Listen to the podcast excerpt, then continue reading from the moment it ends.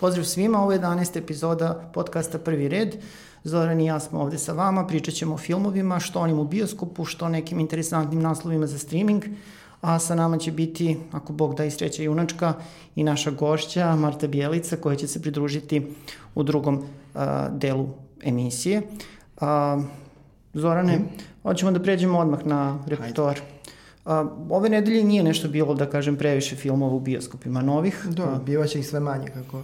Dolazi kako let, da, dolazi let. Ili možemo reći čak i da već. Kod nas je to kao kontrapravac, znači nemamo box office letnju sezonu sa krupnim naslovima, nego imamo ono kao popunjavanje popunjavanje prostora manje atraktivnim naslovima i onima što je nužno preuzeti iz kataloga a, velikih studija, tako da... Da, što sad, mora. Što da. mora, što baš što neizvažno, da. tako da je ovo bio uvod lagani uvod posle prilično burnog onog eh, proleća gde je bilo dosta i noviteta baš premijernih, ali i dosta filmova koji su bili prikazani na festu, pa su ušli da do redovnu distribuciju. Ovo je sada već prvi ili drugi, uh, možda i drugi uh, vikend, to jest druga sedmica kad imamo znatno mirniju mirniji repertoar sa manje noviteta, ali to je što je, idemo na procenu onoga što, što da. se javljalo, a možemo nekad pričati o onome što je nedostalo. Zanimljivo je da se ponavlja ono, ono sveto trojstvo pod da. znacima navoda. Imamo jedan potencijalno veliki bioskopski hit, znači hollywoodski blockbuster. Mm -hmm. Jedan film isto američki, ali recimo nekog srednjeg dometa komercijalnog i jedan evropski film, umetnički da, to je baš tako ta Ponavlja se taj. Da. Jeste. To je, to je obrazec koji očigledno sad ide i bit će tako uz neka manje iskakanja, kada ima više, isti, ista ravnoteža, isti odnos snaga, samo je nekad više naslova u ponudi. Ali to nije loše, da, znači ima za svakog po nešto. Krenut ćemo od blockbustera, krenut ćemo od filma Ljudi u crnom, um, globalna pretnja. Dakle. Morao sam da pogledam kako je to prevedeno kod nas, pošto je u originalu Men in Black International. International da. da. A, to je četvrti deo serijala Ljudi u crnom ili negde sam pronašao podatak spin-off tog serijala. Pa da, u nekoliko spin-off soft reboot. Ja mislim da ovo je prvi, možda prvi od tih velikih krupnih naslova kod kojih je ta terminologija zapravo neprecizna. Da. Ovo jeste spin-off u neku ruku, ali kako nema jasnu crtu sa prethodnikom na, na nivou kao tih ključnih karaktera, onda je pre možda soft reboot, a opet istovremeno i spin-off, ako ne i remake, budući da sad nije moramo, remake. nije remake, ali moramo da se uh, uvek držimo toga i da u nekdu glavi imamo činjenicu da kod ovako dugovečnih serijala sa dugim pauzama naprosto stasala je potpuno nova generacija, nova generacija gledalaca koja ima prvi deo slabo što znači osim neke tako ikonične pojave nekog gifa ili tako. Ali... Dobro, mi već pričamo o 1997. Da. godini zapravo kada je premijerno prikazan film Ljudi u crnom sa Willom Smithom i Tomijem Lee Johnsonom u glavnim ulogama. Oni su kasnije znači, ponovili te svoje uloge u filmu uh, iz 2002. godine, ako se ne da. varam. To je ovaj bio drugi deo da, to je ovaj, tog serijala. I onda je usledila jedna zaista duga pauza. Uh, 2012. godine je snimljen treći deo sa sličnom ekipom, znači dva glavna glumca su tu i uh, Barry Sonnenfeld je režirao sva tri nastavka. Da. Tako da je sad ovo i što se tiče ekipe ispred kamere i iza kamere zapravo jedan novi početak na poznatu temu, na poznatu da. muziku, ajde tako da kažem. U rejtijsku stolicu je F. Uh, Gary Gray. Da, Felix Gary Gray, zanimljivo ime, uh, afroamerički Da, on je, reditelj. on je jako važna pojava na nivou prvo uh, ovih video spotova, njegova filmografija puna video spotova da, za tako je to i krenuo, R. Da. Kelly-a i za taj R&B i rap uh, domen i, I onda njegova je došla, karijera je prilično da. lalujava, krenuo je dosta dobro sa simpatičnim filmom Friday, A, nakon toga je a, bio njegov ključni film. Pričam inače o 95. Da, čisto da ljudi imaju. Set Off sa pljačkašicama banke i onda je tu počelo to lutanje u ovom i onom pravcu nekoliko loših filmova. Straight Outta Compton mu je povratio a, poziciju u Hollywoodu, nakon toga radio a, a, pred, o, između Straight Outta Compton i ovog filma. A, njega smo znači, notirali kao reditelja poslednje prikazanog a, filma i serijala paklene ulice i evo ga dosta brzo uh, sa novim filmom, uh, nečim š, u čemu se do sad nije okušavao i što mu nije bilo blisko. Dobro, ali očigledno čovjek da, radi sve. Kao i on je egzekutivac, ako je mogao da radi 10 spotova za R. Kelly, može da radi sve. sve. Pa i meni, Bojek i to. I mislim da je uh, možda se nije najbolje snašao. Meni je ovaj film uh, ovaj o kome sada pričamo, mm -hmm. Man Black, uh, ljudi u crnom globalna prednja, nije nešto pretarano uh, legao. Ovo je inače mali omaž da, ovom filmu. ovom filmu, da. da. Ko je gledao znači. I ko će da gledati, onda će prepoznati naknadno. Uh, ovo je film koji uh, dosta čudno za jedan studijski film koji treba da bude ispoliran proizvod, zapravo nikako da počne. Ima jedno pet početaka u filmu i to ide, ide, ide, ponavlja se i, i biva dosta bolji kako odmiča i meni, ja sam onako zaista uživao u onom italijanskom segmentu, to je mm. najbolji deo filma ima dosta nesigurnosti u nekom narativnom smislu i kod završetka. Da, da. Sa tim kao gde zapravo taj plot twist se vidi iz aviona, recimo, i nekog satelita, svemirskog broda. I uh, generalno simpatično je to živopisno na trenutke dihovito. Chris Hemsworth pokazuje da može da nosi uh, veći deo glumačkog tereta. Tessa Thompson mi je prilično ovde razočaranje, mislio sam da to nikada neće izgovoriti, ali eto, Tessa Thompson ovde nije na mene ostavio nešto jači utisak. Uh, upotrebljiv film veoma, na trenutke deluje kao razigrano, ali kao celina mi je uh, malo me ostavio ovaj, ravnodušno. Dobro, oni su tu znači podmladili tu ekipu, ta dva glavna glumca, sad glumac i glumica da. zapravo su jeli angažovani. Uh, Um, tako da, o, mislim da oni dosta dobro zajedno funkcionišu, uh, onako prijatno ih je gledati, ima tu tako te neke tenzije, sad je tu i ta erotska neka tenzija koja nije postojala ovim prethodnim delovima, da. tako da je to interesantno pratiti. I ono što je interesantno takođe jeste da uh, kako film odmiče zapravo čini mi se da postaje sve onako uh, konkretnije u igranije, što si ti rekao zapravo, da, da. i u nekom trenutku negde oko polovine recimo da uh, te neke neravnine koje su postojale. Da, samo je pitanje da li neko ima strpljenja da čeka do polovine, ne u smislu da izađe, nego da. da kad zaista film ovaj, pridobije i uključi, da li ima strpljenja da, do, da dočeka taj deo. Ali ima Ali, divnih nekih da. detalja, ima, mislim naravno što se tiče specijalnih efekata, oni su da, stvarno... Da, to je sad već. Da, Barry, mislim, Barry Sonnen, da pomenem to, Barry Sonnenfeld i uh, Steven Spielberg su ostali u svojstvo izvršne producenta, tako da to naravno. ukazuje da to jeste film mm. visoke proizvodne klase i to je u svakom trenutku ovde očigledno. I na nivou, ako neko ima potrebu za ovom vrstom sadržaja, ovo je trenutno najbolji mogući da. izbor.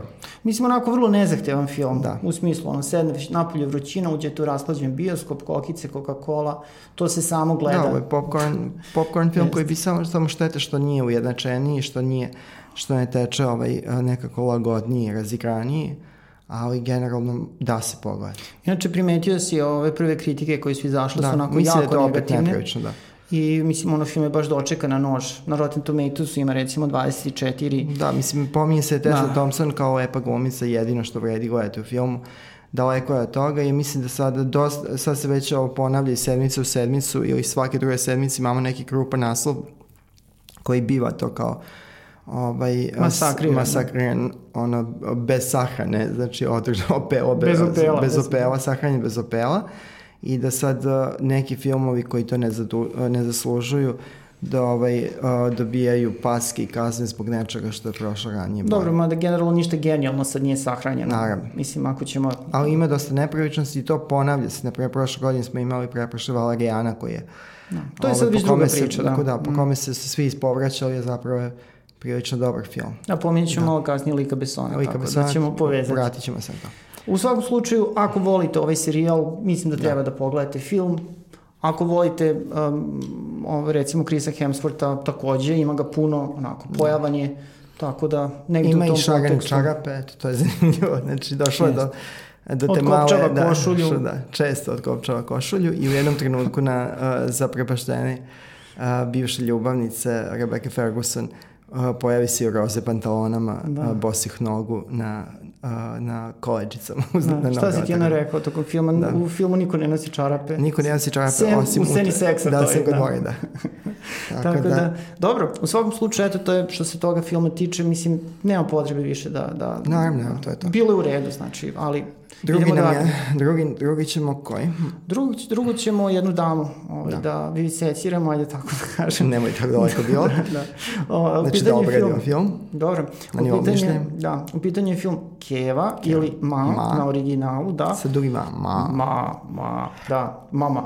Da. Znači nije mama, nego pola mame, znači samo da. ma. Ke. A, što se tiče a, tog, ovog filma, on je nastao u Blumhouse produkciji koja se već specializovala za niskobudžetne horore koji dosta, dosta, dosta dobro prolaze na blagojnama. Da, odnos je sjajan uvek, to su 5, 6, 7 miliona sa zaradom oko 40 na matičnom tržištu, znači Amerika i, Kana i Kanada, to je onda odličan domet, bez obzira što ti filmovi brzo bivaju, mislim, zaboravljeni i smenjuju se brzo.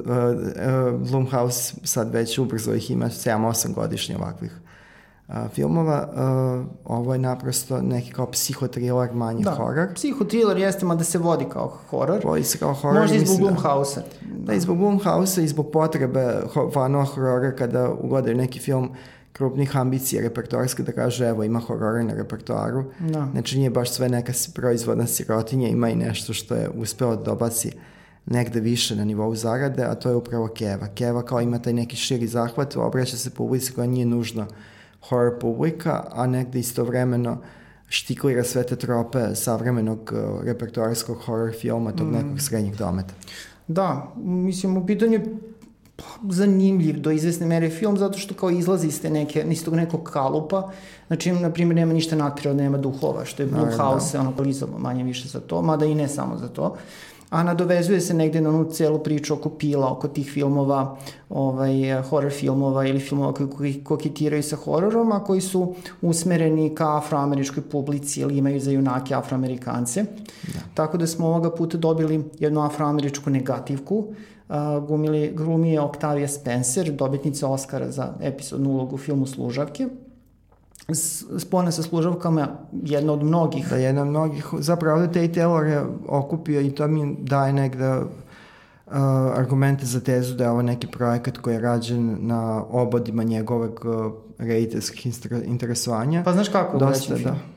Pa otišao je ovaj, uh, kod Jasona Bluma na razgovor, uh, Taylor, da. i rekao da želi da uradi nešto uvrnuto, nešto krvavo, prosto tražio je takav projekat. Da, onda baš nije, nije da, ispunio da. obećanje. I ovaj čovek koji je verovatno ima 150, ono 200 scenarija već ovaj, u svojoj fioci, on je izvukao ovaj i prosto to mu je predložio. Ovo je da jako čudno, znači čudna, čudan spoj. Scenarista radio na uh, seriji Workaholics, koja je onako mm. to kao neki bastion uvrnutog humora, režira rated filma Služavke i uh, biopika o Jamesu Brownu i šta sve ne. Da, Devojka iz voza. Devojka iz voza, da. prethodni kao mm. repertoarski njegov film, krupniji je Devojka iz voza i onda kao imamo ovo. Ali htio sam kažem da mislim da je ovo kao na negde na obodu njegovog interesovanja, budući da, da film je nerezonski ojačan poznatim glumačkim licima, a kad se prouči njegova filmografija vidi se da su to glumci, budući da je Tate Taylor sam glumac, da su to glumci sa mhm. kojima on radio od prvog filma Octavia Spencer je u svim filmovima njegovim bila, osim, svi. osim Devojke iz voza gde nije bio lik iz nju, Alison Jenny je znači već treći put uh, tu sa njim Missy Pyle je od prvog filma Pretty Ugly People, tu kao da, i Octavia Spencer. Ljudi ga vole, očigledno, I da. ponavljaju se glumci, znači u tom smislu i ne, uh, malo izbunjujući gledati Alison Jenny kao prilično svežu Oscarovku i onako uh, popularno TV lice, pošto mama je došla sad već do dolazi do šeste sezone u tako nebitnoj ulozi i to negde odvlači pažnju od uh, fokusa jer očekujete da će to negde se razigra. Sve se nešto da, oko vame. Da. Luke Evans je isto prilično odsutan iz filma u nekoj minutaži, tu je kao da... Ali sočna ali epizoda, on je da. bio u, u Devojci iz voza, tako da se to, da je tu, tu negde to zaokruženo i uh, mislim da je to onda jedan od razloga to uguravanje likova i poznatih lica da je doveo do toga da uh, da ovaj film jako sporo dolazi do, do poente, što je veliki problem kad imamo neki film koji je jasno žanrovski profilisan. Ali, pazi, mislim, očigledno da je bila ideja da se napravi taj kao dramski build-up, imajući u vidu da su zaista dobri glumci angažovani. Imamo i Juliette Lewis tu u dosta krupnoj Dobro, ulozi. Dobro, mislim, ovi, da. ova deca su do, dobre, jest, jest. omladincija, da kažem, da, deca, da. Ovaj četvoro, petoro tih likova tineđera, koji su, mislim, glumci u usponu, gledali smo ih u nekim filmovima već. Da mislim kao da je bila ideja da se malo kao to dramski utemelji, pa onda da ti kao horror šokovi koji se dese kasnije budu efektni. Da, i ovdje imamo situaciju da zapravo u Kevi uh, imamo pet puta izvariranu istu situaciju. Znači, da. ono, žurke u, u njenom, u sutranu njene kuće su zapravo sve istog ishoda. Mislim, znamo gde otprilike to ide, u ostalom A film postoji... je prilično dosta kratak, znači 90 minuta. Mislim ima 100, ali dobro. 99 zvanično i sa tim, da. mislio sam samog... Same kretine, sam, same, da. da.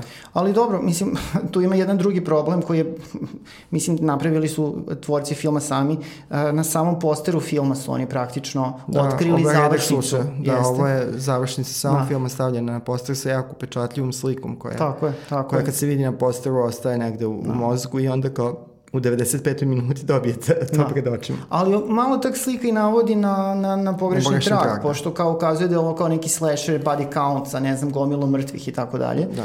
što baš i nije slučaj. Da, trailer je ukazivao da. na kao taj osveženi uh, psihotriler mm. 90-ih, a zapravo ovaj film mm. nije ni to, pošto ne, pošto, nije, nije. ne pošto mm. ni tu matricu, negde vrda traži se u tom, uh, u tom nekom stilskom smislu, mislim da je ovo film koji će, evo, zaradio pare i to je dobro. Mislim i kod nas može solidno da, ovaj, da prođe, da, da. prođe, ali mislim da će brzo ovaj, uh, biti stavljen nad akta, jer evo, uh, već pominjeni reditelj te Taylor ima dva nova filma, mm -hmm. uh, a u oba glumi uh, Jessica, je Jessica Chastain, što je neka potvrda uh, toga da se on vratio u prvu ligu, da. da, s tim da jedan je već snimljen Eve, to je bio neki špijunski akcioni thriller. Uh, dok ovaj drugi meni posebno zanimljiv, uh, Georgian uh, Temi, biografski film o velikoj ljubavi Temi Vajnet. Tako da je mm. Jessica Chastain glumi Temi Vajnet, verovatno će Maska i, i, i ovaj ostao učiniti svoje pa će više ličiti.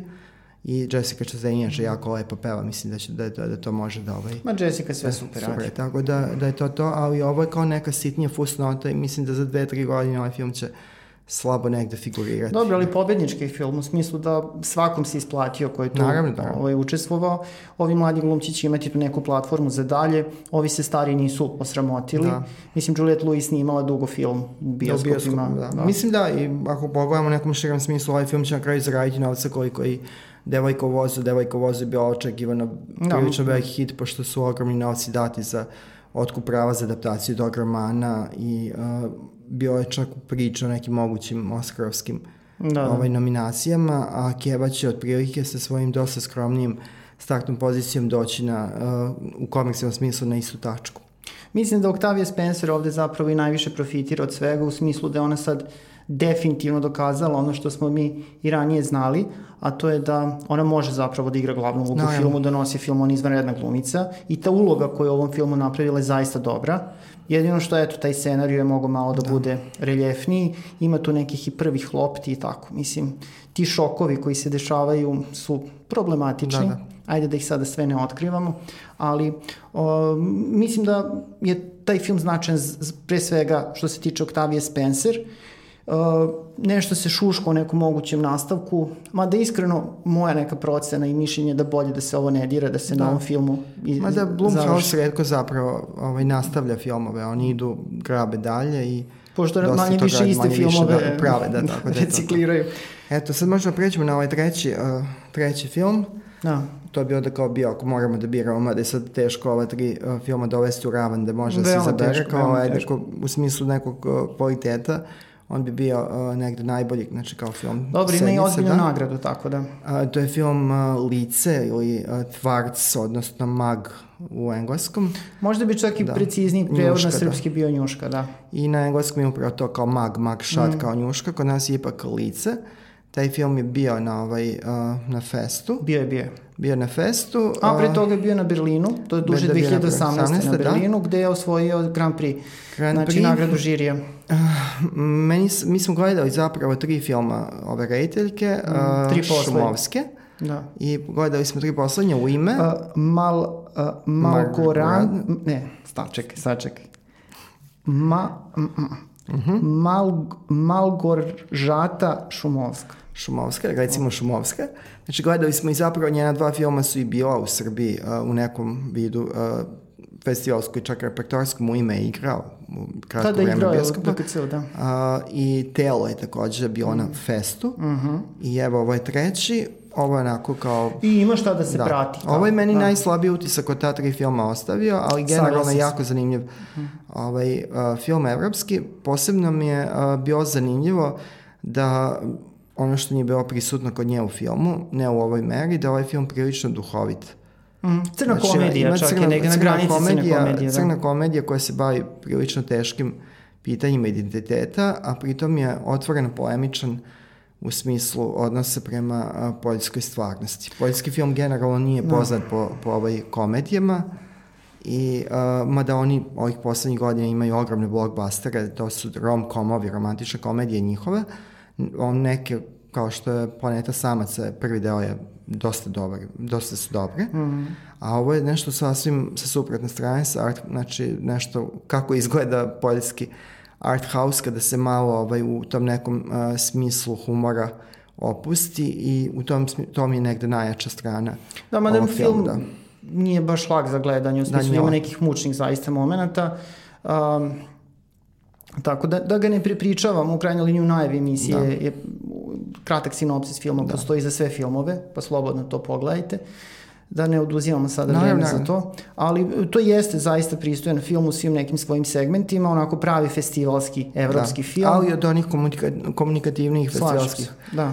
filmova gde naprosto... Muž Malgoržate, da. Šumovske, čije ime ja stvarno nisam evo, uspio da... Evo, ja ću reći, to je Mateuš Kosi Kujkijević, Kujević, uh, to je jako teško za izgovoriti. Ja, Poljaci su tu majstorima da kažu srpski zapravo podsjeća Napravit ćemo neki da. skandal. Ono kao. Ovaj, uh, uh, to je stvarno iz, izvanredna uloga. Da, on je inače suprug da. rediteljke. I, I dobra je stilizacija u, u filmu prilično. No, znači, on je heavy metalac da, na početku. Heavy da. metalac da. i čitao to kao ima neka, neki ugođe van vremenosti, mm. kada ne možete tačno da odredite da li je moda do te mere zakasnila ili svi žive u nekom perfektu, pa mm. nije, a nije im baš najjasnije da je stvarno neki novi dan.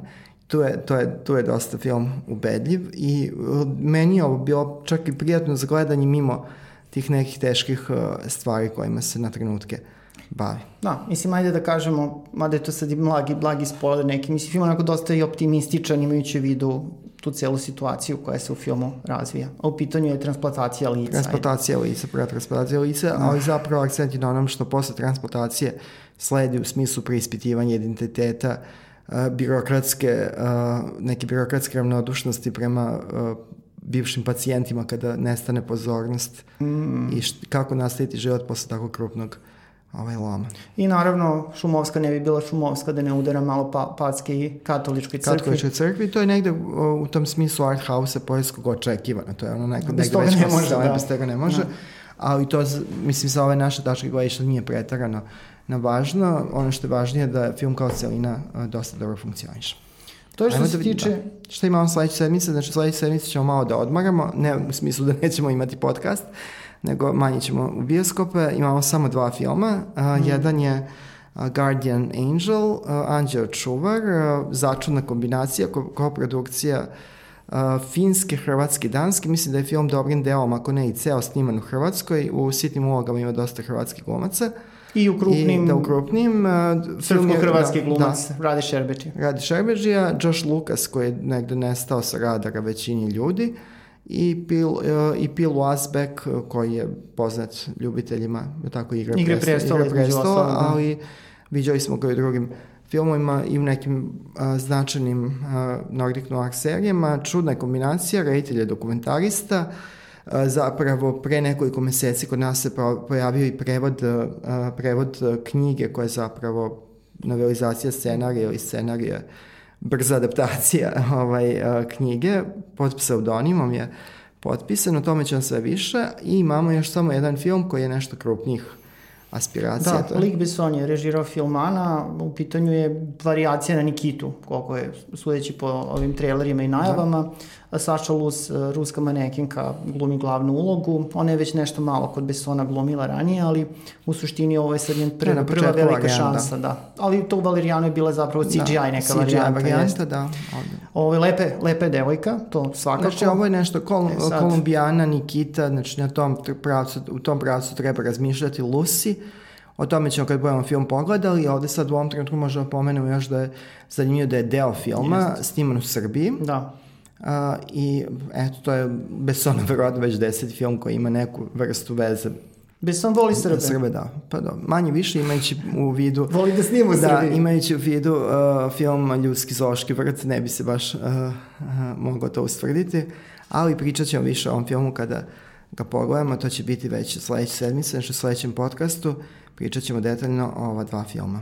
Prelazimo sada na box office, znači da vidimo kakva je situacija u bioskopima, što u Srbiji, što u Sjedinim američkim državama, koji se filmovi najbolje kotiraju. Uh, Srbija, peto mesto John Wick treći deo, uh, drugo mesto Godzilla drugi deo, uh, zatim Mračni Feniks, koji se dosta slabo otvorio, kako u Srbiji, Dobro, tako i u u ostatku sveta, tako je. Aladdin se i dalje jako dobro drži, evo ga na trećem mestu i, izvinjavam se, na Drugom, drugom drugom. mestu i šampion Uh, prethodne nedelje, animirani film Tajni život kućnih ljubimaca, drugi deo. To, to je očekivano, znači Jeste. O kome smo pričali, uh, pričali Prošli prošle put. nedelje, tako da ko želi može da pogleda u epizodi Prethodni, broj 10, 10. naš prikaz ovog filma. Što se tiče Sjedinih američkih država, dva noviteta ulaze u bioskope sad za vikend, to su pomenuti ljudi u crnom, predviđa se da će film zaraditi između 28 i 33 miliona dolara, što baš i nije nešto spektakularno. Da. A, a od noviteta a, koji idu veći broj bioskopa, to je i nova verzija Šafta, to je neki taj soft To su, nastavak. znači, da, ili- to su deda, otac i sin, kao Da. da. metaforički rečeno, budući da su tu kao Richard Roundtree, Samuel Jackson i, Asher, ovaj i mali Asher, Asher, ma, da. ma, ma, ma, manji Asher. Da. I to je to, ali imamo još dva noviteta. I samo da kažem da se taj film jako loše otvorio, po Da. svemu sudeći će se loše otvoriti, procene su svega 14 miliona. I prethodni da, šaft je loše bio prolazio, ali od šafta se nešto ne odustaje. Ima nekih ot, otužbi za homofobiju, Da, fobiju, mizogini, onako baš je... Mislim, bit će zanimljivo pogledati to, ali to pomogne, da. nije najavljeno da će film igrati kod, Kod nas. nas, da.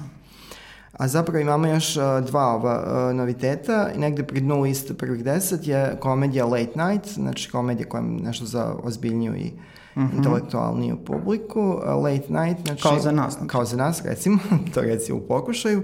Emma Thompson, uh, glumi voditeljku uh, talk showa koja jako senja, koja u jednom trenutku uh, nađe se na samom rubu ponora u smislu profesionalne karijere i onda mora da se bori sa novopridošlima. E, Tema Thompson ima Da, dva Emma filma Thompson, u top 10. da, Da, top 10 Mindy Kaling je deo ovog filma, tako da... A drugi su to je- ljudi u crnom tri. drugi su u crnom tri. Četiri, se. negde na 12. mestu sa značajno manjim brojem uh, uh, bioskopa je uh, Jarmušov novi film Dead uh, Don't Die. Mrtvi ne umiru, recimo. Mrtvi ne umiru, za koji se ne očekuje da, da treba da bude veliki hit i negde ga vide na, tokom vikenda na 2 miliona, što je kao jeste malo kada se uzme u obzir težina glumačkih imena koje su njega uključene na ovaj onaj način, ali zapravo je negde Jarmušov prosek i prosek za a, tu vrstu filma. U prošloj eto, epizodi smo pričali o tom Između filmu sa. Sandrom Perović, između ostalog, tako Da, da. da. posle kanske premijere i to je to. I sad da vidimo šta imamo novo Za streamovanje. za streamovanje.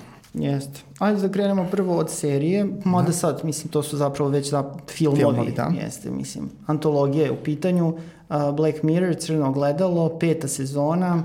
Uh, prošle godine je bio on interaktivni, interaktivni film, specijal, zanimljiv prilično, a sada nove tri epizode, znači vraćaju se na onaj format sa početka, kada su išle po tri epizode Da, godišnje. i opet je ovde amerikanizovana ova verzija. Netflixova je Netflixova, produkcija, da. Netflixova produkcija i u drugoj epizodi imamo tu neku kopču sa Britanijom. Dobro, i u tome, da, prvoj. u prvoj, mislim, da. U krajnjoj liniji ovaj, um, Netflix je, da kažem, otkupio prava na, na Black Mirror, ne samo u filmu u smislu streamovanja, nego zapravo i produkcije. Proizvoda.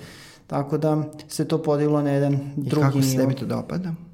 Pa iskreno rečeno, mislim, ta serija jeste dosta, dosta značajna iz više razloga, ali čini mi se da se već sada u petoj sezoni i ranije je Da. već to bio slučaj, ali sada možda i više nego ranije. Osjeća se taj neki zamor. A, tri epizode i nije tako puno, to su epizode od 60, 60, 70, Da, do 70 minuta. minuta ne, Jeste. da. Znači možemo ih čak tretirati gotovo i kao filmove televizijske. U produkcijnom smislu to je sve onako upakovano kako se i očekuje od takve produkcije, ali recimo od ove tri epizode jedna mi je ova prva bila u redu, druga mi se zaista nije dopala i treća mi je bila možda i najzanimljivija, ali i tu ima nekih zamerki. Tako da, Kreće sa Miley Cyrus u značajnoj ulozi Mhm. i mislim to je dosta dobra epizoda i tu je ta, taj motiv tehno, tehnofobije najbolje profunkcionisao u odnosu na ove, te, uh, ove tri epizode ove sezone, znači na uzorku epizode to jeste negde da. najzaokruženija. Jen Sevecki, inače Norvežanka je režirala ovaj, ovu epizodu, tako da to je verovatno sad je neki pokušaj da pređe malo da. na to američko tržište. Jedino što je možda meni problem, uh, to što mi slabo funkcionišemo kao starija publika sa sa fenomenom Miley Cyrus, pa ta njena potreba da dekonstruiše svoju javnu personu. Mm. Što se u ovoj epizodi... Ovde insistira se da. na tome, nekako nas ne dotiče jer nismo negde tipska a, nismo neka tipska publika i nismo ni pratili taj njen uspon da bi sad pratili mm. i njenu potrebu za nekom ličnom evolucijom u tom profesionalnom i pojavnom smislu. A tu je Lutkica male, da. znači sa likom Miley Cyrus, Miley koja Cyrus, ima vrlo da. bitnu ulogu u filmu. Da.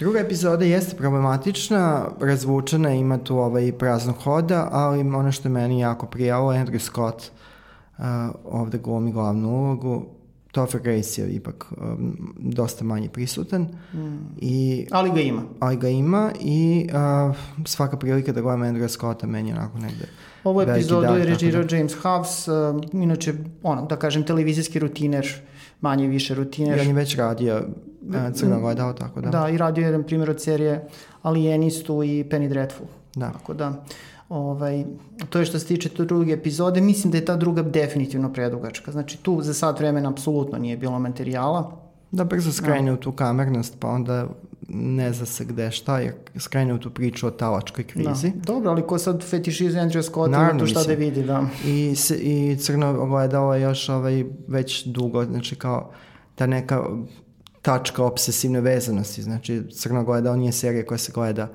uh, onako usput, neko zaista ljudi su uh, vezani uh, za ovu vrstu sadržaja, tako da i ova epizoda će biti svakako uh, zanimljiva. Da, da, ali ovaj, uh, ipak uh, ova prethodna, pošto smo krenuli pozadi pa smo sad da, tek da. stigli do prve, uh, prva epizoda u ovoj uh, novoj sezoni koja se inače zove Striking Vipers po toj nekoj igrici koju dva glavni junaka igraju, je veoma zanimljiva, a, pošto dovodi u pitanje te neke polne stereotipe i da, onako malo je homo, LGBT da, friendly, da. da.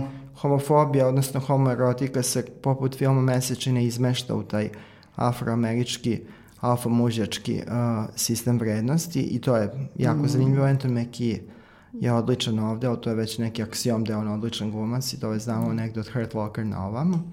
Owen Harris je režirao da. epizodu koju je režirao možda i moj omiljen epizod Crnog ogledala, to je San uh, Junipero. Uh, dve, tri sezone ranije je ta epizoda ovaj, snimljena, zaista izvanredna. Znači, to je baš onako antologijsko crno ogledalo. Ovo nije na tom nivou, možemo reći, ali je zanimljivo. I da. ima nekih lepih zanimljivih rešenja i u tom nekom vizualnom smislu, tako da Eto, sve kad se saberi i oduzme, crno gledalo je... Zadovoljavajuće sasvim. Da. Zadovoljavajuće, ali u toj nekoj krizi da.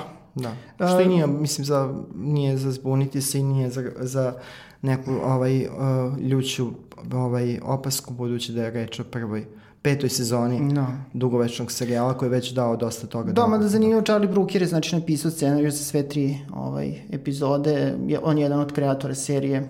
Možda bi bilo zanimljivo malo to i scenaristički osvežiti. Da prosto dovesti neko koji nije ovaj, toliko već u toj, toj priči sa nekom možda svežijom idejom. No, idemo dalje. E, ostajemo u domenu Netflixa, ali u pitanju je film, film, film, rađen, film baš. baš rađen za Netflix, znači u Netflix produkciji i u filmu glumi Zoranov omiljeni glumac ili jedan, jedan od omiljenih glumaca, Adam Sandler. Adam Sandler. Meni je ovo zaista jako, jako prijalo i uh, Uh, Kako se zove film? Uh, Murder Mystery se mm. zove film, znači to bi bilo kao misterija sa ubistvom ako treba uopšte prevoditi. To je kao neki uh, podžanr kriminalističkih romana. Podžanr gde se traži ubica. Uh, malo pogrešno je predstavljena uh, ovaj film u toj markičkoj kampanji najavljeno da je, da, da je to kao spoof, znači kao neka parodija na uh, uh, ono što se zna iz romana i filma koji su inspirisani romane, romanima Agate Kristi, ovo je ipak uh, komedija uh, koja ne, ne zastaje samo na, na sprdnji, nego funkcioniše baš kao krimi komedija. Čak sa elementima akcijnog filma. Sa uh, elementima akcijnog filma, što sad do nekole govori i dokazuje tezu da je Netflix uh, uh, potpuno se razmahao i da više nema tih ograničenja da njihovi filmovi nužno moraju da budu kamernijeg uh, mm. tipa, ovo bi moglo lako da ide u bioskope bez ikakvih problema, ništa ovom filmu pojavnom, vizualnom, produkcijom smislu. Da, i snimanje ne, i, smijen, i snimanje u tom formatu. Francuska, Italija, da, da. onako baš je. I jako, ako se uopšte može čovjek biti srećen, a da nije Adam Sandler zbog te činjenice, ja sam srećen da vidim da Adam Sandler ovaj, vratio se u tu neku formu, budući da je negde zamor materijala i ta neka rezignacija, ako, naravno ako po strani ostavimo na njegov genijalni stand-up nastup od pre nekoliko meseci. U ovim filmovima koje je radio za Netflix imali smo situaciju da imamo briljantne trenutke, ali da ti filmovi kao celine nisu ostavljali neki Da, ove kao celine najbolje, da. definitivno, da. mada mislim, ne očekujte sad na to logijski film, ovo, da, to nije... ali jako duhovitu, dinamičnu komediju sa Ovaj, jednom prelepom glumicom. Pa da, manje više prelepom, ali sa jednom uh, dobrom glumicom i odličnom komičarkom. Adam Sandler je onako baš u naponu stani, svoj stani, nismo, nismo imenovali glumicu. Jennifer Aniston? Ja sam mislio na Jem Letterton. A Jem Letterton, dobro. Ja sam mislio na Jennifer Aniston. Ali dobro, Jennifer Aniston jeste nominalno I Jennifer glavna. Aniston i Adam Sandler ovde ponovo jako dobro funkcionišu posle njihovog uh, zajedničkog filma i to je ona zanimljiva tačka te priče. Oni su pre deseta godina bili u jednom filmu koji je zaradio recimo više od 200 miliona dolara u bioskopima, sada su... Koji je to? Uh, just uh, Get Over It ili... -huh To sam propustio. Da, uh, gledali smo ga zajedno. ovaj, uh, ovaj, to ono kad idu na odmor. Oni da, da, idu na odmor. A, da, da, da. A sada je ovaj, evo, I sada sad idu na odmor. Sada idu na da. odmor, ali ovaj film koji je završen na Netflixu i zaista to je ta paradigma uh, priča u sponu Netflixa gde zapravo filmovi koje ovako možete vidjeti u bioskopskom kontekstu bivaju da. premijerno, da, premijerno prikazivanje na Netflixu. A da Ima tu još jedna ta druga stvar, znači ovaj film je dugo bio kao tim nekim pokušajima produkcije, već deseta godina praktično se taj scenarij vrteo u raznim nekim podelama da, da. i bilo je planirano da ide u bioskop i tako dalje, ali u suštini nikako nije mogla ta konstrukcija da se sklopi do kraja.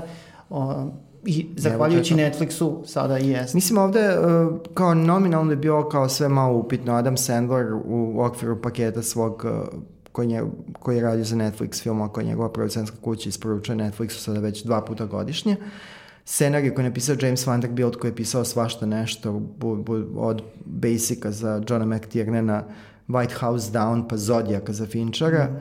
Znači, nastavak, ovaj zakasnili nastavak uh, Dana nezavisnosti, on sad radi neku razigranu uh, uh, komediju sa ubistvom, ako ajde da tako ubistvima. ubistvima. Ima dosta I uh, to je nekako čudno delovao, zapravo film funkcioniše kao celina i to je jako dobro. Kyle uh, Njuačak, koga smo gledali prošle godine, memorisali makar nas dvojica kao reditelja, jako dobar film koji je takođe odišao na Netflix, Game Over Man. Inače ispljuvanog maksimalno. Da, inače baš dobre komedije. Uh, ovde ovaj, pokazao da može onako I da se... nastavi da radi s Netflixom. nastavi da, da, da, to, ovo je, mislim, puna kapa i evo da pomenuo ko je još glumi, znači Jennifer Aniston, Adam Sandler, Luke Evans, evo ponovo, ponovo ja. za dva dana, dva puta pred našim očima. A glumi i Ani, o kojoj da, ćemo prišljati sledeće nedelje. Znači, ovo su da... dani sedmice Luka, uh, Luka Evansa, Gemma Arterton, uh, Terence Stamp u maloj, ali zanimljivoj ulozi, onaj čuveni krupni slađanin koji se pojavlja često u filmu i kojem nismo još zapamtili ime. I, Dobro ima, da, mislim, zanimljiv je kast onako. I, Sve je to da, Uh, Danny, uh, zanimljivo je da u filmu značajnu ulogu francuskog uh, inspektora glumi Danny Boone. Poznat kao, uh, poznat francuski. kao francuski Adam Sandler. da. I to je negde nadahnuta ta njihova saigra, vidi se kao to, ta neka opuštenost gde ljudi sli, sličnih postignuća mogu da, da ovaj, budu solidarni i da imaju tu kao neku crtu zajedničkog humora i pristupa svoje pozicije, zapravo uh, pucaju na istu metu. Uh, I za, eto, ako tražite komediju iz ponude Netflixa, ovo je D. Ovo je to. Ovo, od ovoga nema u trenutnoj ponudi bolje. To je to što to se tiče prvog dela. Očekujemo Martu Bijelicu. Evo nas i u drugom delu emisije, sa nama je gošća, imamo veliku čast i sreću da usred uh, uh, njenog burnog profesionalnog života, burnog bogatog profesionalnog života i obaveza u pozorištu. Dobro, možda i burno. I našo vremena da nas poseti i da nas ugosti, da sa nama razgovara na filmska tema. Marta Bjelica, Marta, zdravo, pošto ne znamo kada će ovo biti emitovano i kada će ko gledati, zdravo, kako si? Dobro, dosta dobro. Hvala na pozivu, meni je čast što sam ovde. I nama. Uh, Martu smo, evo da podsjetimo, ako pričamo o filmu, pratimo ovako kako se razvija njena karijera i to ide baš u dobrom pravcu, negde, moj, mislim, možemo da se saglasimo da tvoja karijera zaista ide onako nekako postupno. Ovo jesu kao poslednji meseci kada, kada si najprisutniji, ali krenuo se od manjih uloga ka veći, polako si se ako zaukavao. Joj, ne znam, ja uvek moram da se odbranim čim se pomene to karijera, ja se uvek nešto stresem. To uvek mi nekako biva pogrešno. Filmografija. u- Da, pa da, ali ajde, karijera.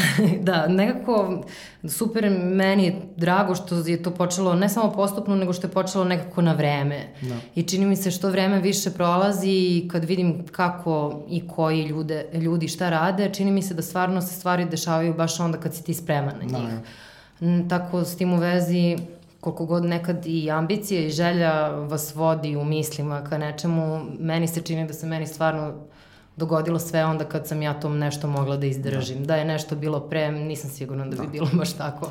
Znači, gledali smo da u filmu Otačbina, a, potom u, a, mislim da su prvi nagradi bili izgranici, pošto mi Da, sada skoro dve izgranici i a, sada kao žmurkama i državnom službeniku, iako bude bilo sreće, iako sudbina bude tako htela, uskoro ćemo te gledati i u a, Volji sinovljevoj Nemanje Čeranića, filmu koji je a, u nekom zaustavnom vremenu sada, ali mislim da će to biti sve uskoro u redu.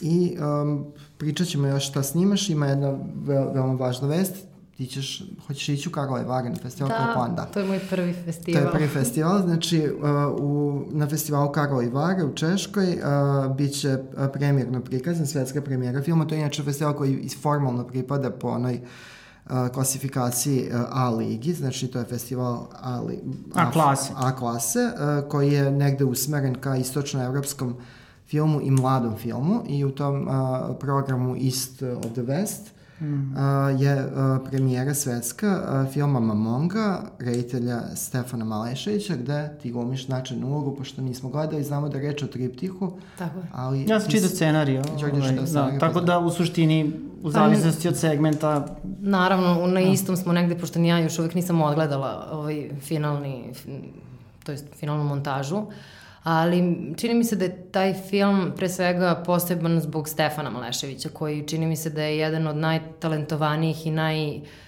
a, zanimljivih ljudi koje sam ikad srela u ovom poslu, poslu a pritom je jako mlad. I ta vrsta ljubavi i entuzijazma koju on ima I staloženost. staloženost i rekla sam, ta- tamo sam krenula kažem sa tim nekim jako čudnim Da, da. mirom koji nije, Nije generacijski, je, ni malo.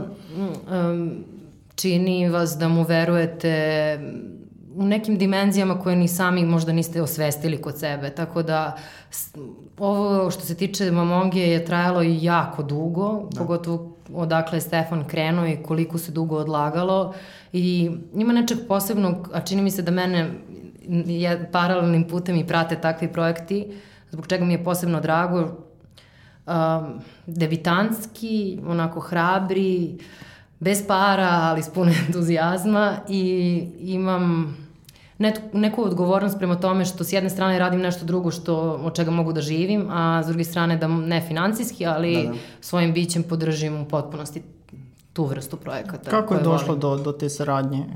Je li bio neki casting ili...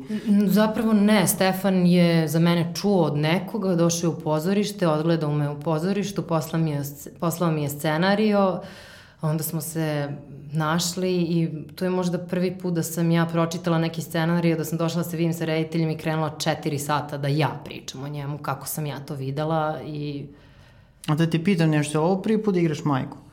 E, Da, to je bio prvi put, da.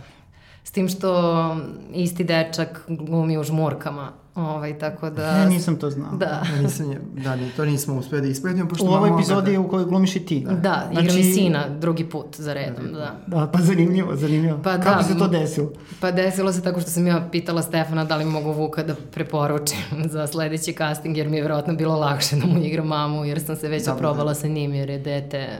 Da, to nismo, nismo Jako znali, dobro. pošto Mamonga onako nastajala to etapno U, et- i negde van te kao medijske pažnje, što je vjerojatno i dobro, imajući u vidu da je to kao jedan malo hermetični art house film, pa i nije baš uputno medijski ga mrcvariti pre nego što dođe pred. Jeste, ali meni je drago da ono što sam imala priliku da vidim nekako nije zatvoren. Uh, to što Stefan ima jedan poseban odnos prema atmosferi, same prosto ambijenta, prirode, grada i tako dalje, nije ništa što nekako nije autistično, vrlo Da, da. lako korespondira i na neki način je meni bar to što sam imala priliku da vidim čak i uzbudljivije od nekih glumačkih izvedbi i to da. je ono što mene jako uzbuđuje. Mi smo inače poštovatelji, pa evo da kažemo, ako neko da. bude u prilici da pogleda dokumentarni film Stefanov Gora, to je jedan izvaredan odlično, odlično, dugometražni dokumentarni film o Gorancima i onako impresionistički postavljen, znači nije reportažni dokumentarni film o jednoj zaista nesvakidašnje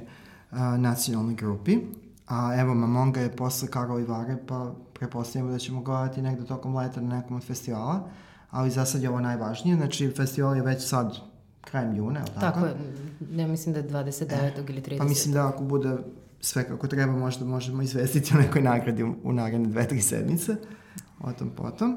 Ali ajde da pričamo još o, o tim tvojim drugim ulogama, volju sinovljevu ćemo ostaviti za neki drugi put, da, da ne bismo ovaj, izbaksuzirali, ali moramo da pričamo o tvojoj ulozi u seriji Državni službenik, o čuvenom sada već čuvenom čuvenoj agentici operativki Krle, zvanoj Krle, jer je a, ta uloga, sem što je odlična uloga, a, zanimljiva posebno i zbog toga što, a, a na to se nadovezuju i a, nadovezuje se na mini talas lika Anđela iz a, Jutro će promeniti sve i par nekih uh, manjih likova i nekih rukavaca iz serije 5, da u prime time, znači u udarnom terminu imamo jedan gay lik, a gde je sve postavljeno prilično zdravorazumski, gde nema iščuđavanja, niko nije podigao obrvu, nego naprosto prihvatamo činjenicu. Da, i nema, krvo... nema karikiranja. Što nema karikiranja i nekako imamo taj funkcionalan, konsekventan gay lik koji je jako dobar u svom poslu, a prilično je zanimljiv i živopisan mimo te svoje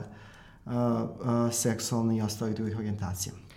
Pa imala sam veliku odgovornost da bude to tako kako jeste. Nekako kad radiš nešto uvek se plašiš da da generalno bude uverljivo da li će biti ili ne. A ovde sam imala još jedan pritisak upravo zbog toga što imam puno prijatelja koji su gej i nekako bilo mi je sumanuto da sad se od toga, to je ono kao kada gledaš neke stvari pa su neuverljive, ovo je nosilo sa sobom neku vrstu opasnosti, prosto... Da, da, da ne bih volela da, da nisam mogla iza toga da stanem. I u toj verovatno potrazi da bude obično, sam se trudila da budem što subtilnija u tome i te stvari su mi bile lakše, jer sam znala odakle to ide. Ono što mi je bilo teže jeste kako je ta osoba došla do tog pištolja da bude ta da, da. i da pritom ima i taj patriotski moment malo mi je sve to pomešano bilo na određene trenutke. To će možda biti negde kasnije, ono kao... Dobro, eto, ako Bog da biće ta druga Biće sezona, druga sezona, pa... možda će to razigrati. Jel Krle dobila ime inače puno? Pa ne. Ali je Krle. Samo sam rekla da Lana nije sigurno, mora da ima neko uh, srpsko ime, nešto. Srpsko ime, da, da, da bude da. Jel imaš ti neki predlog za ime? Evo da apelujemo kod Dimitrija Vojnova. Jelena, Jovana. Milica. Jasna. Znači, na J. Kako na se zvao u otačbini? Milica. Milica, da, zbog toga sam rekao Milica. Da, da. da. Pa dobro što da ne. Ja, to, to može i Milica, da. Da, to, našli smo se kod Milica, da Milica može. Krstić Krvo. Ali definitivno Krvo je da, znači Krvo je onako baš uh, zapamtljiv lik, a pritom je negde u drugom u drugom planu.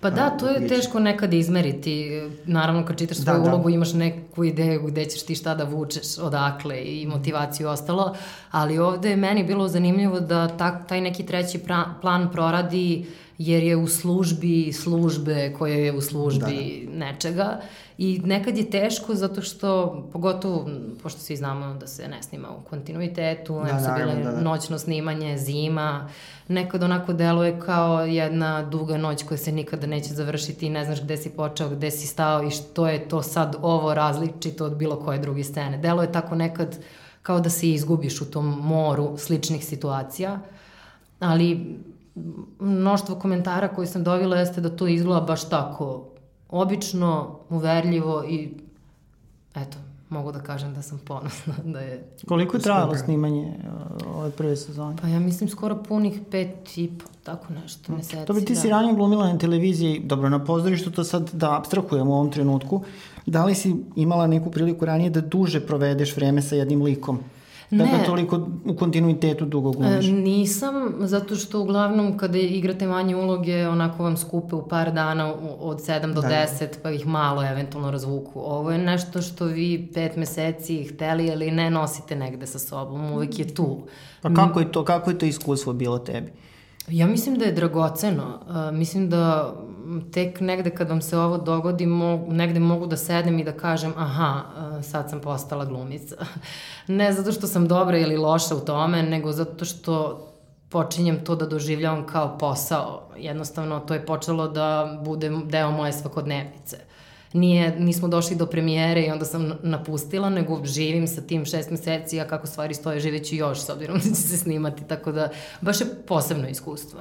Jesi menjao lik malo tokom snimanja, znači, jesi Absolutno. ga... Mislim, možda ne sad nešto radikalno u odnosu na sam početak, ali Mm, kao što ste i videli, nema tu nekih preterano ekstremnih situacija, ali ima na nivou rešenja, kojim putem i kako. Između ostalog, bila sam jako srećna kada se dogodila um, ta ideja od strane reditelja da se napravi ta žurka u kojoj ćemo mi i videti koja je ona seksualna orijentacija, da ne mora o tome da se govori da. ili da se komentariše, nego da prosto bude jednostavno ako su na žurci, desit će se to što se da. događa i to je to. Da ne na, treba da se pravi fama. Što se inače dešava uz hitove dade po momentu. Kad se, kad se uh, uh, zgodi prilika. Uh, ajde da pričamo Mamonga, onako, um, o filmu Mamonga ćemo pričati kada ga budemo pogledati, kada bude neke prilike, uh, uh, da, uh, da ne bismo sad išli neku abstrakciju, ali Mamongu sa tvojim nekim prethodnim filmovima, odnosno filmovima kojima si igrao, povezuje ta neka naglašena stilizacija i kad smo kod stilizacije moramo pomenuti film Izgranici. Uh, koji su tvoji, uh, onako, koje su neke tvoje prve, uh, prve asocijacije na taj film? Da li te ta stilizacija koja je bila u filmu primetna malo sputavala? To bi da li si bila svesna te stilizacije dok ste snimali? Dok ste snimali. Da. Morali smo da je budemo svesni i u, imali smo onako jednu vrstu zadrške i konstantnog straha zato što užasno je teško snimati, pored drugačijeg formata, ta crno-bela slika, nekako koliko god da želiš, nisi uvek svestan, pa stalno nešto hrliš da vidiš u monitor, jer prosto jeste drugačije. Um, meni je taj film značio na nivou zaista zanata, uh, da negde osvestim svoje lice, da um, primetim do koje mere sam oštra, markantna i nekako špicasta i da naučim da to što imam na licu da nekako smirim i da, da umem da ga kontrolišem, jer tad sam ipak bačena u to iskustvo i divno je što... Ja, i uloga je glavna, jel? Pa da, glavna ženska, da, svakako, da. Baš pa dobro jedno od tri glavne. Da, da mislim, znatno zamašnije minutaže nego u, u otačbini koja je ipak onako... Svakako jedno da, ozbiljno filmsko vreme ispred, da, da. Uh, i, ispred kamere. Ovde i... si čak i sama u, u nekim scenama što je onako prilično izazovno. Ali nekako čini mi se da je meni uvek bilo lakše da te neke misalne procese sprovodim Uh, čim je više govorenja, ja tu imam neku vrstu, onako, dok se, tu mi se javljaju neki grčevi, bar u tom periodu, zato što si prosto jednostavno nesiguran, no, da, ništa drugo. Da. Ove, ali svakako divno iskustvo i ono što je tu bilo jako dobro, što smo svo troje imali, s obzirom na naše godine, veliku slobodu i da predlažemo i da probamo i da uh, da jednostavno stvorimo taj neki svoj, pa onda i zajednički svet. I u tom smislu je meni bilo zanimljivo, zato što postoje vrlo ekstremna rešenja u tom filmu koje nekako neće se baš dešavati da neće mi se baš dešavati na svakom ćošku da imam priliku da, da ih igram. I to je ono što je... Ja volim da rizikujem, ja volim transformaciju, ja volim da se nešto bacim u vodu pa nek bude i pogrešno i netačno, ali da mogu da kažem da sam probala jer ovo nešto na sigurno mi je uvek... Da. E, kad smo već kod toga, znači, ajde malo da pričamo o žmurkama, Miša Radivojića, to je onako, uh, mislim, ja ne znam, za, mislim, baš dosta pratimo, ali ne znam za neki ekvivalent u nekim istočnoevropskim ili obližnim uh, tim nekim parametrima da je u udarnom terminu prikazano negde u nekoj zemlji ovako nešto uh, zahtevno. Da, na nacionalnoj televiziji. Na nacionalnoj televiziji gde, gde zapravo imamo jedan radikalni art house pristup u udarnom terminu u serijskom vidu i ti si u jednoj uh, epizodi, kako se ti snašao u tome i, i šta tebi žmurke znači, osim da prepostavimo da ti je velike bio velika čast da radiš sa Mišom Radivođe? Pa na prvo čitanje e, je bilo nešto što sam morala da ostavim jedno vreme po strani, da se odvojim od toga jer je bilo radikalno u pristupu i smelo i i možda i po scenariju je odlazilo još korak dalje u toj nekoj brutalnosti prema deci, tako da to je uvek nekako stvar koju um, morate dobro da razmislite pre nego što... U tom trenutku kad sam to čitala nisam bila ni sigurna ni šta ću igrati, nego je samo moj odnos prema tome bio takav da je onako zastrašujuće, ali um, sad meni kad su čini mi se sva pitanja u vezi sa životom, smrću, sa ljubavlju, to je nešto što mene intimno radi uvek iznova, pogotovo ako uh, su dovedeni do tog ekstrema. Da, u tom smislu nisam samo sam želela jako da učestvujem u tome, a onda kada upoznate Mišu i kada shvatite koliko on ima godina iskustva i sa kojim žarom on priča o tome šta bi radio, koliko uh, je nenormalno suluda njegova energija, ona ne može da se poredi uglavnom sa većinom mladih ljudi koje poznajem, a kamoli sa njegovim godinama. I to bukvalno funkcioniše po principu to da on vama kaže svoju viziju, da vas zaljubi u to, da vas zaljubi u taj lik, da vi mislite da baš vi treba to da radite i niko drugi na ovoj planeti i onda se nekako dogodi neka magija. Nekako, čini mi se da toliko pričanja o tome, to je jedno od onih snimanja koje odete, pot, odete potpuno spremni i pustite da se stvari dešavaju u kadru. Nema nikakve pripreme, da li nešto merimo ovde šta ću, nego se samo dogodi. Odlično. Kako je ove funkcionisala saradnja sa Milanom Marićem? Mislim, dobro, e, glumili ste zajedno i u državnom službeniku, potpuno drugi sad odnos. Kako se sad to prebaciti iz jednog moda u drugi? Mislim, dobro, glumcima to valjda nije takav problem, ali prosto me zanima kako, kako to funkcioniš. Pa da, e, čini, mi smo zapravo snimili prvo žmurke, pa onda službenika. Ove, ali ja i Milan smo u suštini studirali u isto vreme, tako da se poznajemo dovoljno dugo da sve neke ideje možemo i da podelimo pre samog snimanja. Ono što ja zaista mislim za Milana i stvarno se trudim da svaki put kad imam priliku da to izgovorim, da mislim da je on jako dobar glumac koga treba naučiti da, odnosno mi treba da naučimo da ga malo više čuvamo i gajimo, jer njegov uspeh koji ima u Berlinu zaista nije stvar koja se dešava tek tako. Uh, Absolutno. I uh, on je pre svega neko ko je jako pažljiv kolega i s obzirom i na sadržaj scena koji smo mi imali u žmurkama, moram da priznam da kada vas neko na taj način čuva kao prijatelj i kolega u kadru, onda možete da uradite i mnogo više od onoga što ste vi možda planirali ili očekivali od te scene. I to je jedan od kvaliteta koji meni lično su najvažniji na snimanju. Ja možeš da najaviš već neku, imaš neku novu ponudu za neku novu ulogu na TV-u ili za TV ili film? Ne. Ne, da, bit će prilike, znači, mislim, da, dobro, to se menja na dan, ostavi možda za par sedmica. Dobro, ta druga sezona državnog da. službenika u igri. Da, jeste u igri. Dok Mamongu. A kako biraš, a kako biraš uloge? Mislim, sudeći po ovim ulogama na filmu, pre svega, ali boga mi na televiziji, čini mi se da si više sklonjen na to nekom art house-u, komercijalu si uglavnom izbegavala. Ili te više hoćeš? Uzlovno rečeno. Pa moram odmah da vas prekinem, zato što... Izvoli. Uh, da.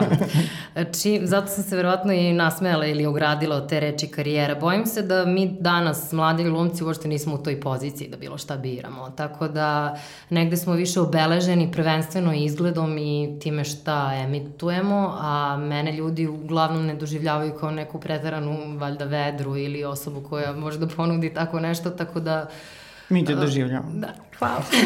Kao... I od ranije, tako da. da. Ovaj, tako da to nešto što ja emitujem me vuče za sada u tu jednu fioku koja S druge strane, ja se ne osjećam loše zbog toga zato što se trudim na sve načine da nalazim neke razlike u tome.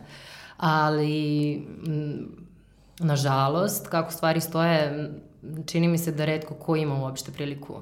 Naravno da postoji u moru nekih kada nešto izabereš da nećeš, ali to što izabereš da nećeš uglavnom ne bih hteo ni, da. ni u kom obliku. Da, da. Nikada. A što voliš da gledaš, pošto mi dobrim delom se bavimo ovde filmofilijom, znači pre, prepostavka je da ne možeš baš zbog svojih obaveza da pratiš repertoara, ali šta je ono što gledaš?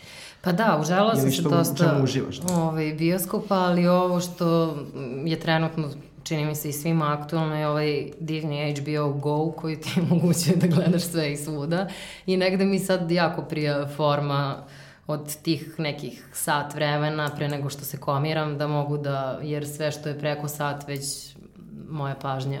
I šta je ono najbolje što možeš da... Pa, nažalost, ja se trudim da gledam serije ili stvari kada nekako prođe pompa, ali... To je, to je dosta dobar pristup, pošto malo da. mozak je odmorniji.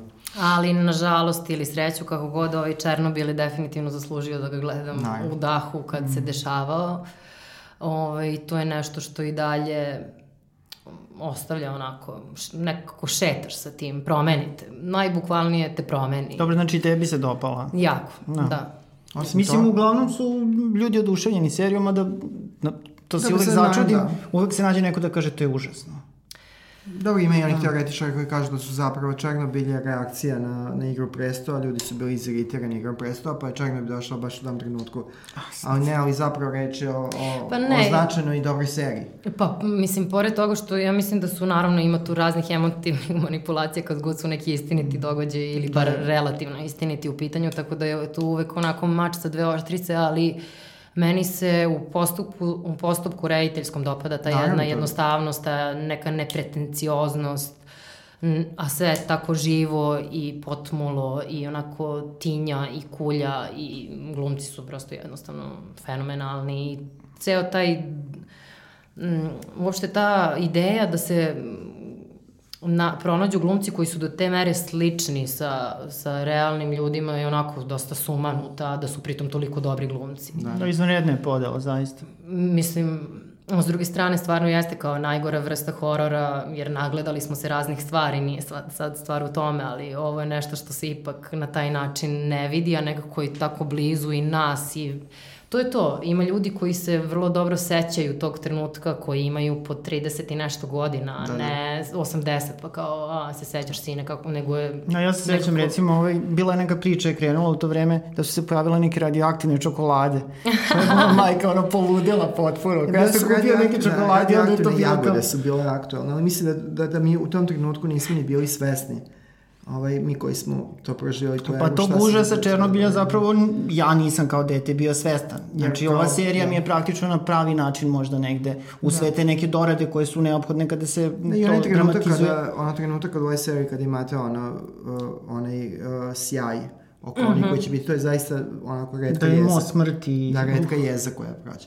Jesi opterećena kad gledaš neku seriju uh, tim preispitivanjem gumačkih uh, ovaj, dostignuća, kao kažeš, evo sad ovo gledam. Ili možeš da gledaš kao... Ili može da se ukrade ono što kažu neka forica ili nešto. E pa, evo, zanimljivo mi je pitanje zato što baš posle dugo vremena mi se sa Černobilom upravo to dogodilo da nisam gledala kao glumica. Zaboravila sam na taj trenutak. Pa to je onda baš kompliment. Tako da, gomila nekih serija koje sam gledala koje su manje više ili ovako ili onako, ima raznih do, dopadanja ili ne, od Handmaid, Hand- Handmaid's Tale-a do Sharp Objects i tako ima tu nekih super glumačkih rešenja i to je to što primećujem. Ali me ne drži kao, Kao celina, da. kao celina nešto o čemu bi mogla sad da razgovaram 15 minuta, nego ima zanimljivih rešenja i najčešće Na primjer, evo konkretno uh, Patricia Arquette, mislim, te Da, dve ona uloge sad- koje da, ona sad napravila. Ima, onako baš podsjetila nas i zašto je dobra glumica posle duže pauze. Mislim, ovaj Backstreet iz Dane Mora Da. i Dijekt. Novi je, dijekt, da. Ali to je to, ona je uvek bila nekako to, Da. lepa, zgodna, dobra riba glumica, a sad sa svojih Da, skoro je potpuno 40 da. kila više Ovo je potpuno dekonstrukcija onog mita o Patricia Arquette. i me, meni je ona, onako, Ništa. Hoćemo malo da se pozabavimo ovaj, Vestima. nekim vestima, pa možda i da ih zajedno prokomentarišemo. Možda ćemo sačekati malo. E pa super, hajde malo sad da pretresimo vesti da vidimo šta se dešava u svetu filma, šta se snima od serija, filmova I šta Marta kaže, da. i šta naravno Marta da iskoristimo njeno prisustvo maksimalno. Krećemo od Clinta Eastwooda i Clint Eastwood priprema nešto novo. Uh, mislim ne da pripreme, nego uskoro kreće snimanje. 2020. će biti prikazan, znači to je čovek koji je, ja ne znam da li ima neki pandan. Uh, kod nas je Poviša Đorđević onako nekde na margini u smislu uh, šanse koje mu se daje da radi, ali Clint Eastwood eto ima ponovo novi film, sudska drama je ovog puta u pitanju, značajan slučaj iz njihove ispravne istorije i Sam Rockwell je dobio uh, uh, jednu od tri glavne uloge, uh -huh. tako da, znači, uh, od Clinta Eastwooda uskoro novi film.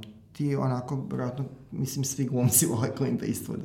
Pa dobro, to je... Svi ljudi vole Svi ljudi vole. Što se Clint Eastwood, kaže, institucija, da, ne može da se- mislim, u smislu to kao, vidiš kako je to uh, napredalo i kako je. Jel bi mogao da zamisliš to je kao rediteljku? Uf, Ne. ne, sad u nekom kao, ne, Ne. ne, ne osjećaš to u hemijskom smislu. n- nikako. Nikako. A ili bi mogla sebe da zamisliš u filmu Clint Eastwooda? Pa, mislim da će umreti nego što će se to dogoditi. ne bih da budem skromna, ali Klinte da. požuri, znači. Da, ali Ne, ne, mislim, što on jako tiče... ovaj, otporen na... Da. Na, na smrt? Onda smrt otporen na smrt na ovom uzorku zaista je čudesna. čudesna da, dobra jeste. Koji ti omenje njegov film, eto? Kada Ili mali jedan filmski od omiljenih, spomenar, da. Šta bi izdvojila, mislim? Šta ti prvo Ne mora režija njegova, uloga neka. Da, šta ti je prvo padne prvo- na pamet? Da. Prvo što mi je palo na pamet da vam odgovorim iz Krleta i da kažem Million Dollar Baby. Dobro. Može, kupi. Može, može, može. Možda nije najbolji ne, film, ali ali se da. Ali važan jeste, da. Dobri glumački zanimljiv, pošto Hilary, je posle toga A, postala potpuno, ono što jeste, da. Ono što je u nekom trenutku bila sad ponovo, mora da restartuje svoju karijeru, ali to je negde prirodno. Da ima malo teologije u krle, čini mi se, onako, da, je tu, da. Ovaj, dobro, idemo dalje. Znači, sledeća vest, uh, Terry Pratchett, pokojni Terry Pratchett, uh, će doživeti, to je jedno njegovo delo, Da. će doživeti adaptaciju. Delo se zove, uh, moram to da pročitam, Amazing Morris. uh, uh, Neverovatni Moris i njegovi školovani glodari. to odlično zvuči. Znači, Nemačka jedna producentska kuća je otkupila prava za ekranizaciju uh, ove knjige u formi serije i posle Good Omens, znači dobrih predskazanja, eto, no, uskoro novog Terje Prečeta u seriji. Uh, za one koji su Prečetov, Pračetovci, oni to ne, već znaju, ali za one koji uh, koji nisu toliko upođeni, kažemo da je reč o 28. romanu iz serijala Disk Square. Disk Square. Disk Svet. Svet. Da. Jesi To je čitala možda to? Ne, nisam. ja sam jednom pokušao, pa jednom sam budeš odustao. ima ovaj, uh, mesec dana, dva, tri, onda možeš da se baciš uh, na ovaj serijal uh, Terje Pračeta. Tarantino je sledeći. Tarantino, Tarantino, da, Tarantino Tarantino, ne da. miruje sad ovih dana Da, i nedelje i uh, meseci. Tarantino ima onu neku, uh, počeo da razvija dosta rano neku srpsku ne- neozbiljnost koju vid, viđamo kod srpskih uh, uh, autora, uh, od, najviše ono kod uh, U kom reditelja, u tom smislu da uh, besomučno najavljaju nove projekte. Znači, to kao snima na 3-4 godine ili kako već u nekom redovnom, ali umeđu vremenu ne miruje, pa smo prošli put rekli da je završio ovaj scenariju za da je završio scenariju za da je zapravo Django da radi protiv Zora. uh, Django protiv Zora, a sad imamo kao činjenicu da je Da. Tarantino gotovo pa završio scenariju koji piše za novi film iz serijala Zvezdane staze i da želi da ga režira i da bude R-rated, znači da bude pun nasilja, uh, grafičkog nasilja, psovki, seksa i čega već to treba. Tako da kao Tarantina pratimo na nivou, ali sad ovde treba sve staviti negde tačku zarez pa vidjeti šta će od toga uh, i biti. Da, fanovi su se pozitivno. nešto ovaj Star Treka dosta pobunili. Mislim, dobro, Tarantino je krupno ime, ali Da. oni se prosto plaše šta će on sad tu uneti u taj serijal. Da, to, je- da, to je bila baš dekonstrukcija, kao pošto uh, zvezdane staze funkcionišu na tome da se kreću po uh, sigurnom terenu. Da, mada došlo, evo, u ovim poslednjih nekoliko filmova baš je došlo do zamora materijala, pa bi možda bilo zanimljivo vidjeti kad bi se to prodrmalo malo kako bi, kako bi ispalo. Kako ti stojiš sa fantastikom, jel možeš da pravi? Da, kako Da, ne. to može. Ja bi glumila nekom hororu SF-u. Ono, Apsolutno. dve obrve i onda si vanzemajac. Mm, Apsolutno, Da, ali kao kod da. vrhovena tri sise. Da. Pa nekako, Ako treba, da, ja sam 91. nekako, da, mi smo je, svi da, to je to. Odrasli. Već kad smo kod 90. godina, jesi slušala Spice Girls? Naravno, da. Priznaješ, znači Jeste, javno. Da, To je, pošto, to je Spice Girls u 90-ih bilo ono što je Brena bila za ranije generacije. Pa dobro, recimo možda, Pa mislim da. u tom nekom smislu. Kao pa to je ono, ne znam, Od od 8. osme, do, da. na primjer, 11. Da, posle se to Od brzo 8 do prezre. 9. Tako, Ali da. brzo se prezre. ali Onda krene, posle da. kao... Fuj. kao da. Ne, Ali žilava, žilave su u smislu da se Da, priprema Spice Girls, sa... da, Spice Girls su uspale da propadnu 15 puta do sad, propala im i poslednja ovaj, a, a, povratnička turneja, opet su se a, posvađale, ali to a, Paramount ne odustaje od njih. U Nemlji su prilično a, ovaj, uposlani scenaristi da napišu scenarija za novi film, bit će animirani film o Spice Girls, znači, ovo Pa možda čak i da bolje može funkcioniše, igrani. Da, igrani film, da. Spice World je bio užasan film, ovo animirano možda bude i a, nešto bolje, jel? No, zanimljivo. Mislim, kako će se to primiti i da li će se primiti. Možemo A- da pričamo o HBO-u, pošto smo pominjali već. Ali HBO i Sky. I Sky, da. Zajedno ponovno. Znači, pošto je Černobita prošao tako sjajno kako je prošao, brzo se to ide napred i već narednog meseca počinje snimanje nove serije. Ona iz domena fantastike. A, ču, recimo da glavni junak dospeva na ostrvu koje naseljavaju jako čudni, a, čudna bića i stanovnici. A, Ska, a, Sky ko producira sa HBO-om, treći put se zove The Third Way. Uh, Jude Law, znači, opet je kod HBO, znamo da, mislim, Young... imamo smo pričali da ti si gledala Mladog papu, tako da... I, da, skoro. Da, skoro, tako da... Sačekala sam da prođe, ono... A ono za fanove fantastike, što je jako važno, uh, ovu seriju režira Denis Kelly, u čoj filmografiji je produkcija i režija šest epizoda serije Utopija. Mm. Tako da bi to moglo ovaj, da valja. I ono kada, kada smo pričali o tim glumačkim serijama, mislim da će tebi Martovo interesovati posebno. HBO i Sky do kraja ove godine će prikazati mini seriju o Katarini Velikoj koji glumi Helen Mirren. To je onako, mislim da je to čist zicar, tako? Sigurno. Sve i da nisi glumica, mislim to onako. Helen Mirren u bilo čemu, a još kao Katarina, pošto je Helen Mirren ruskog porekla. Da. da, da, da. Mislim da će to biti ovaj, sjajno. A gledat ćemo i u filmu Ana. Da. Ove sledeće nedelje. Sledeće nedelje, da je zapravo glumi Žanu Moro iz Nikite, ali to je A, dobro, nije loše to. E, I ovde se nadovežemo kratko, uh, ti si takođe fan ili uh, tolerišeš seriju Westworld, ili tako? Pa propusno sam fan. Da, da. Pri, da. Mislim... Tu su, negde su svi umereni fanovi. Tu mislim da ta serija nije uspela da uzburka toliko strasti? Pa šta ja znam, da. Očekivalo se dosta, mislim da ono kao ta recepcija koju ima Igra prestola da ono, Westworld nema ni približno. To je drugačiji sadržaj potpuno, da. Ali ova treća sezona će biti sada, da. koliko sam shvatio, potpuno kao promenjena sa novim težištem, pa će to biti zanimljivo vidjeti kako će izgledati. Meni je to bilo dosta zanimljivo iz više razloga, ali mislim, kako bih rekla, ja sam veliki fan gospodara prstenova, cela moja soba je bila, imam da. mačeve, imam sve, s obzirom da sam bila dosta mala, ovaj, na toj liniji kao Zato ti kupili mačeve? Sama sam ih kupila, da, ali na toj liniji je kao Boko, Game of Thrones odradio svoj... Boko srpske mašari. Tako je, ne, ne, to se kupovalo na ekskurziju u Italija. Aha, da. Naravno. Da. Ali mislim može i ovako. Da, ali, ovaj, kako se zove, na toj liniji je kao Game of Thrones odradio svoj posao, ali ovo je meni imalo neku potpuno drugu dimenziju sa nekim drugim pitanjima, tako da meni je to, ako je nešto kao zabava, to je zabava, mene to radi. Ovo, pomenuo sam, znači, Westworld zato što se nedavno ovih dana pojavio trailer za treću sezonu i u njemu je otkriveno da važnu ulogu igra Aaron Paul, koga znamo iz serije Breaking Bad, on je znači značajno pojačanje, mm. a ne samo to, u trećoj sezoni Westworlda značajnu ulogu igra, to je sve će odigrao, a mi ćemo ga te gledati, je Vincent Cassel. Tako da je to zanimljiv pravac. Da, i izlazi se da... konačno iz Westworlda i u stvarni svet te budućnosti koji ta serija prikazuje. Tako da će to biti zanimljivo vidjeti. I u poslednjoj vesti bavimo se malo uh, uh, ne samim sobom, nego kao meta pristupom. Uh, posle dve godine emitovanja, uh, uskoro će biti, uh, ovih dana će biti završen emitovanje filmskog podcasta One Hit Minute. Mm -hmm. uh, to je uh, po izboru portala Vulture, koji je onako značajan uh, pop kulturni portal, jedan od uh, najboljih uh, filmskih podcasta uh, u ovom trenutku. Nas nisu gledali. Nas da. nisu gledali, mi smo malo zakasnili za taj njihov izbor, kasno smo počeli, ali što je zanimljivo ovaj, ovaj podcast, One Hit Minute je uh, programiran da traje dve godine, filmski podcast, i bavi se samo jednom temom, a to je film Vrelina Michaela Mana.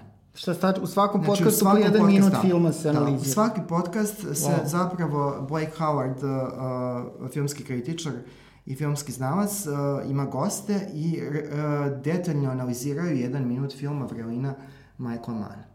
Uh, to je prilično, A traje, uh, traje od, kao, on zvanično 25 minuta do uh, sat vremena se priča o jednoj minuti, zato se zove jedan minut Vrelina u trajanju jednog minuta i došlo se do uh, završetka, znači a, dve godine su pričali Kako su se špi, filmu, špicu rešili? Da, sad ćemo vidjeti, ali a, do te mere je to značajno da a, poslednji gost u poslednje, znači poslednji gost u toj epizodi završne podcasta je sam Michael Mann. Znači da je to ovaj, pa, to je mislim onako kao negde pravac da bi sad mogli da se bavimo time da nađemo minut srpskog filma kojim Baš me da zanima koji biste film izabrali da. da. Morali bismo da radimo. Mislim da dosta gledamo, pa bio bi ovaj, svega i posvetiti 90 ono kao podcasta jednom filmu ili 100. Aha, da, eto ja sam da. vama postavila da, pitanje. Da. Evo mi ćemo, morat ćemo da ti odgovorimo u sledećem podcastu, pošto stvarno smo, ja nisam razmišljala o to pravcu, mm. odlično pitanje. Odlično pitanje. E, i imamo za kraj nešto važno da kažemo. Nešto nešto... jako važno, evo da krenemo od ove šolje na kojoj je Beba Lončar, čuvena šolja već u podcastu, mislim da je primećena i ranije kod Marte Špela Rozina, ali okrenuta, tako da. Ove, ali sada pričamo o Baby Lončar i najpoznatijem filmu u kome ona glumila, to je kultni film. Naravno, mislim, najpoznatijem u tom jugoslovenskom smislu. U tom jugoslovenskom smislu i, da, mislim, to je ta ikona, ikona, ikonična pojava Bebe Lončar na Vespi ispred Skupštine, mislim da je to ono baš Da, ultimativno. da. Da. Ovaj film Ljubav i moda iz 1960. godine, um, film je restauriran i 20. juna će u kinoteci biti premijerno prikazan, to jest U tom ponovo premijerno, ruhu, u novom ruhu jeste. Znači, nastavlja se, što je jako bitno, projekat eh, VIP kinoteka, a, restauracija srpskih eh, klasika, poznatih filmova, značajnih filmova. Tako da, eto, na red je stigala i ova muzička komedija. Da, ovo je, mislim, značajan film u tom nekom pop kulturnom smislu. Mislim da generalno kad ljudi pričaju, on, niko ne priča zapravo o kvalitetu samog ovog filma, nego se priča o tome šta je on predstavljao. To je jedan uh, red, redak primer srpskog uh, jugoslovenskog mjuzikla, do te mere kao uh, uh, uspešnog. To Ljubomir Radičević ga režirao. Ljubomir Radičević režirao, u njegovoj redijskoj karijeri je ovo najznačajniji film zajedno sa Cipelicama na asfaltu.